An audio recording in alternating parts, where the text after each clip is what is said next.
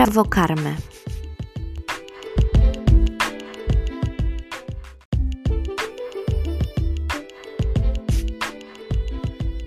Nazywam się Alicja Góralczyk de X Lapale. Jestem autorką książki Alicja w krainie Tajów. Przez 5 lat mieszkałam w Tajlandii, a dzisiaj z chęcią zabiorę Cię do krainy uśmiechu, aby przeżyć na własnej skórze historie, które wydarzyły się naprawdę.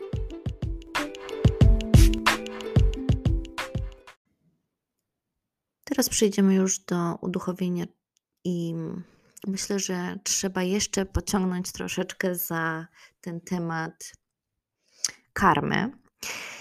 Jak przyleciałam do Bangkoku, to po prostu myślałam, że właśnie wylądowałam na innej planecie, dlatego że ludzie y, od bladego świtu po zmierzch i w nocy robili wszystko inaczej niż ja znałam. I wydawało mi się, że są mega uduchowieni, dlatego że od rana właśnie składali dary, witali mnichów na ulicy, modlili się z nimi. I każdy właściwie, każde domostwo po to robiło. To nie było tak, że tylko, nie wiem, ktoś tam, tylko po kolei naprawdę wszyscy. Nawet taksówkarze kupowali codziennie rano taki wianuszek kwiatów które też właśnie są takim symbolem e, religijnym i te kwiaty się wiesza na lusterku. Tak jak u nas zapach taki choinkę, to w Tajlandii właśnie te takie wianuszki z kwiatami. Oczywiście do tego różne talizmany i, i tutaj właśnie chcę jeszcze dokończyć tę myśl, że religia, e, znaczy przepraszam, że buddyzm a buddyzm e, w Tajlandii to jakby dwie różne kwestie. Dlaczego?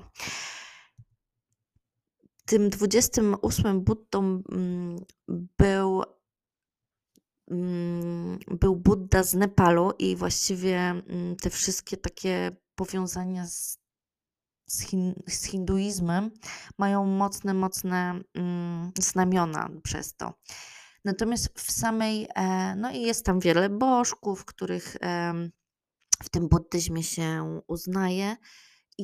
I tu jest ta taka duża różnica między tym tajskim buddyzmem, dlatego że oni tych bożków mm, za bardzo nie mają, oprócz y, samego Buddy.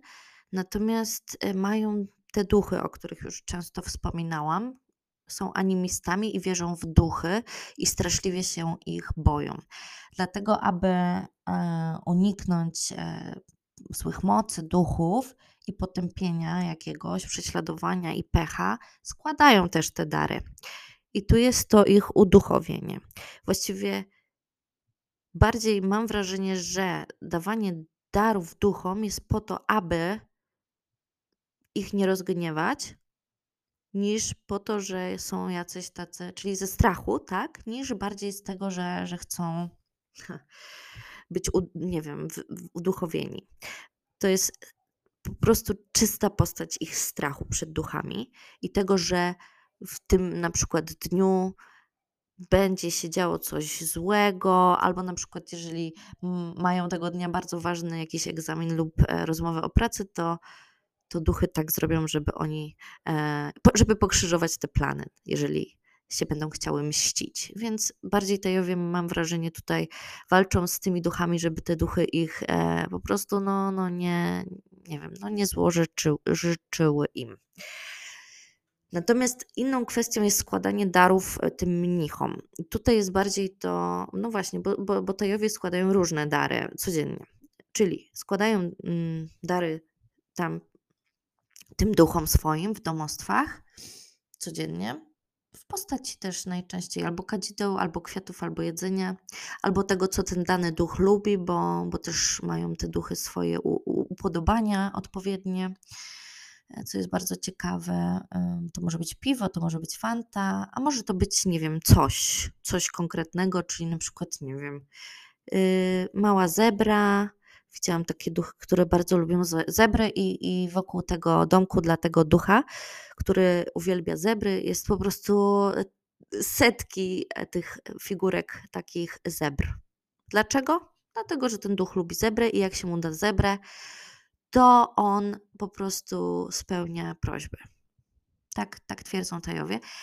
I co, co jest zabawne, jeżeli na przykład dadzą taką zebrę temu duchowi, a ten duch na przykład, nie wiem, mimo wszystko nie usłucha tej prośby, to Tajowie to tłumaczą, że nie dlatego, że, że nie wiem, że to nie działa, tylko dlatego, słuchajcie, że, że to działa, ale ta zebra, którą dał e, ten taj, na przykład to nie wiem, mu się nie spodobała. Albo na przykład dlatego, że e, dzień wcześniej zrobił jednak coś bardzo złego i ten duch stwierdził, że mimo wszystko e, to, ta zapłata w postaci tej zebry nie jest adekwatna do tego, żeby spełnić prośbę tego człowieka. Czyli jakby dalej wierzą i brną w religię i mimo, że się coś nie spełnia, to nie widzą jakby powiązania z tym, że to może być pic na wodę, fotomontaż, tylko bardziej, że to oni coś zrobili nie tak.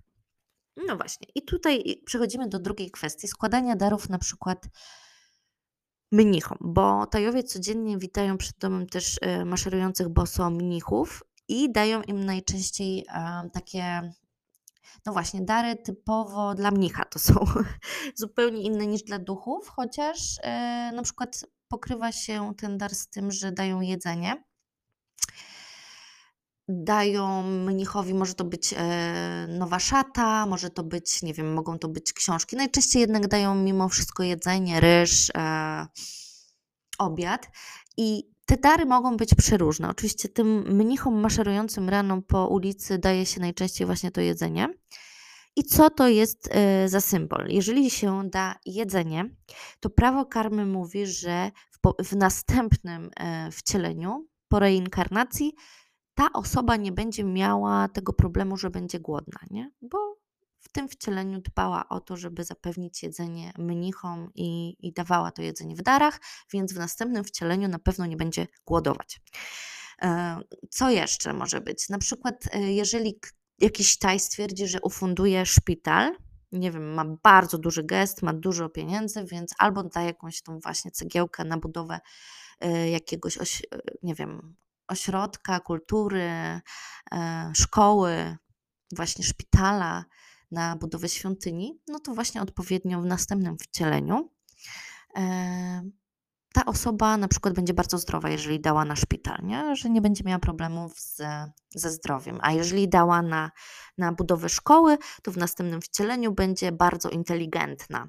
A jeżeli, e, no właśnie, to tak adekwatnie. A jeżeli na przykład nawet z takiego, widziałam takie najbardziej banalne, że na przykład jeżeli podarowała w darze szczotki do zębów e, dla dzieci, to na przykład w następnym wcieleniu będzie miała zdrowe uzębienie. I tak działa, moi drodzy, prawo karmy.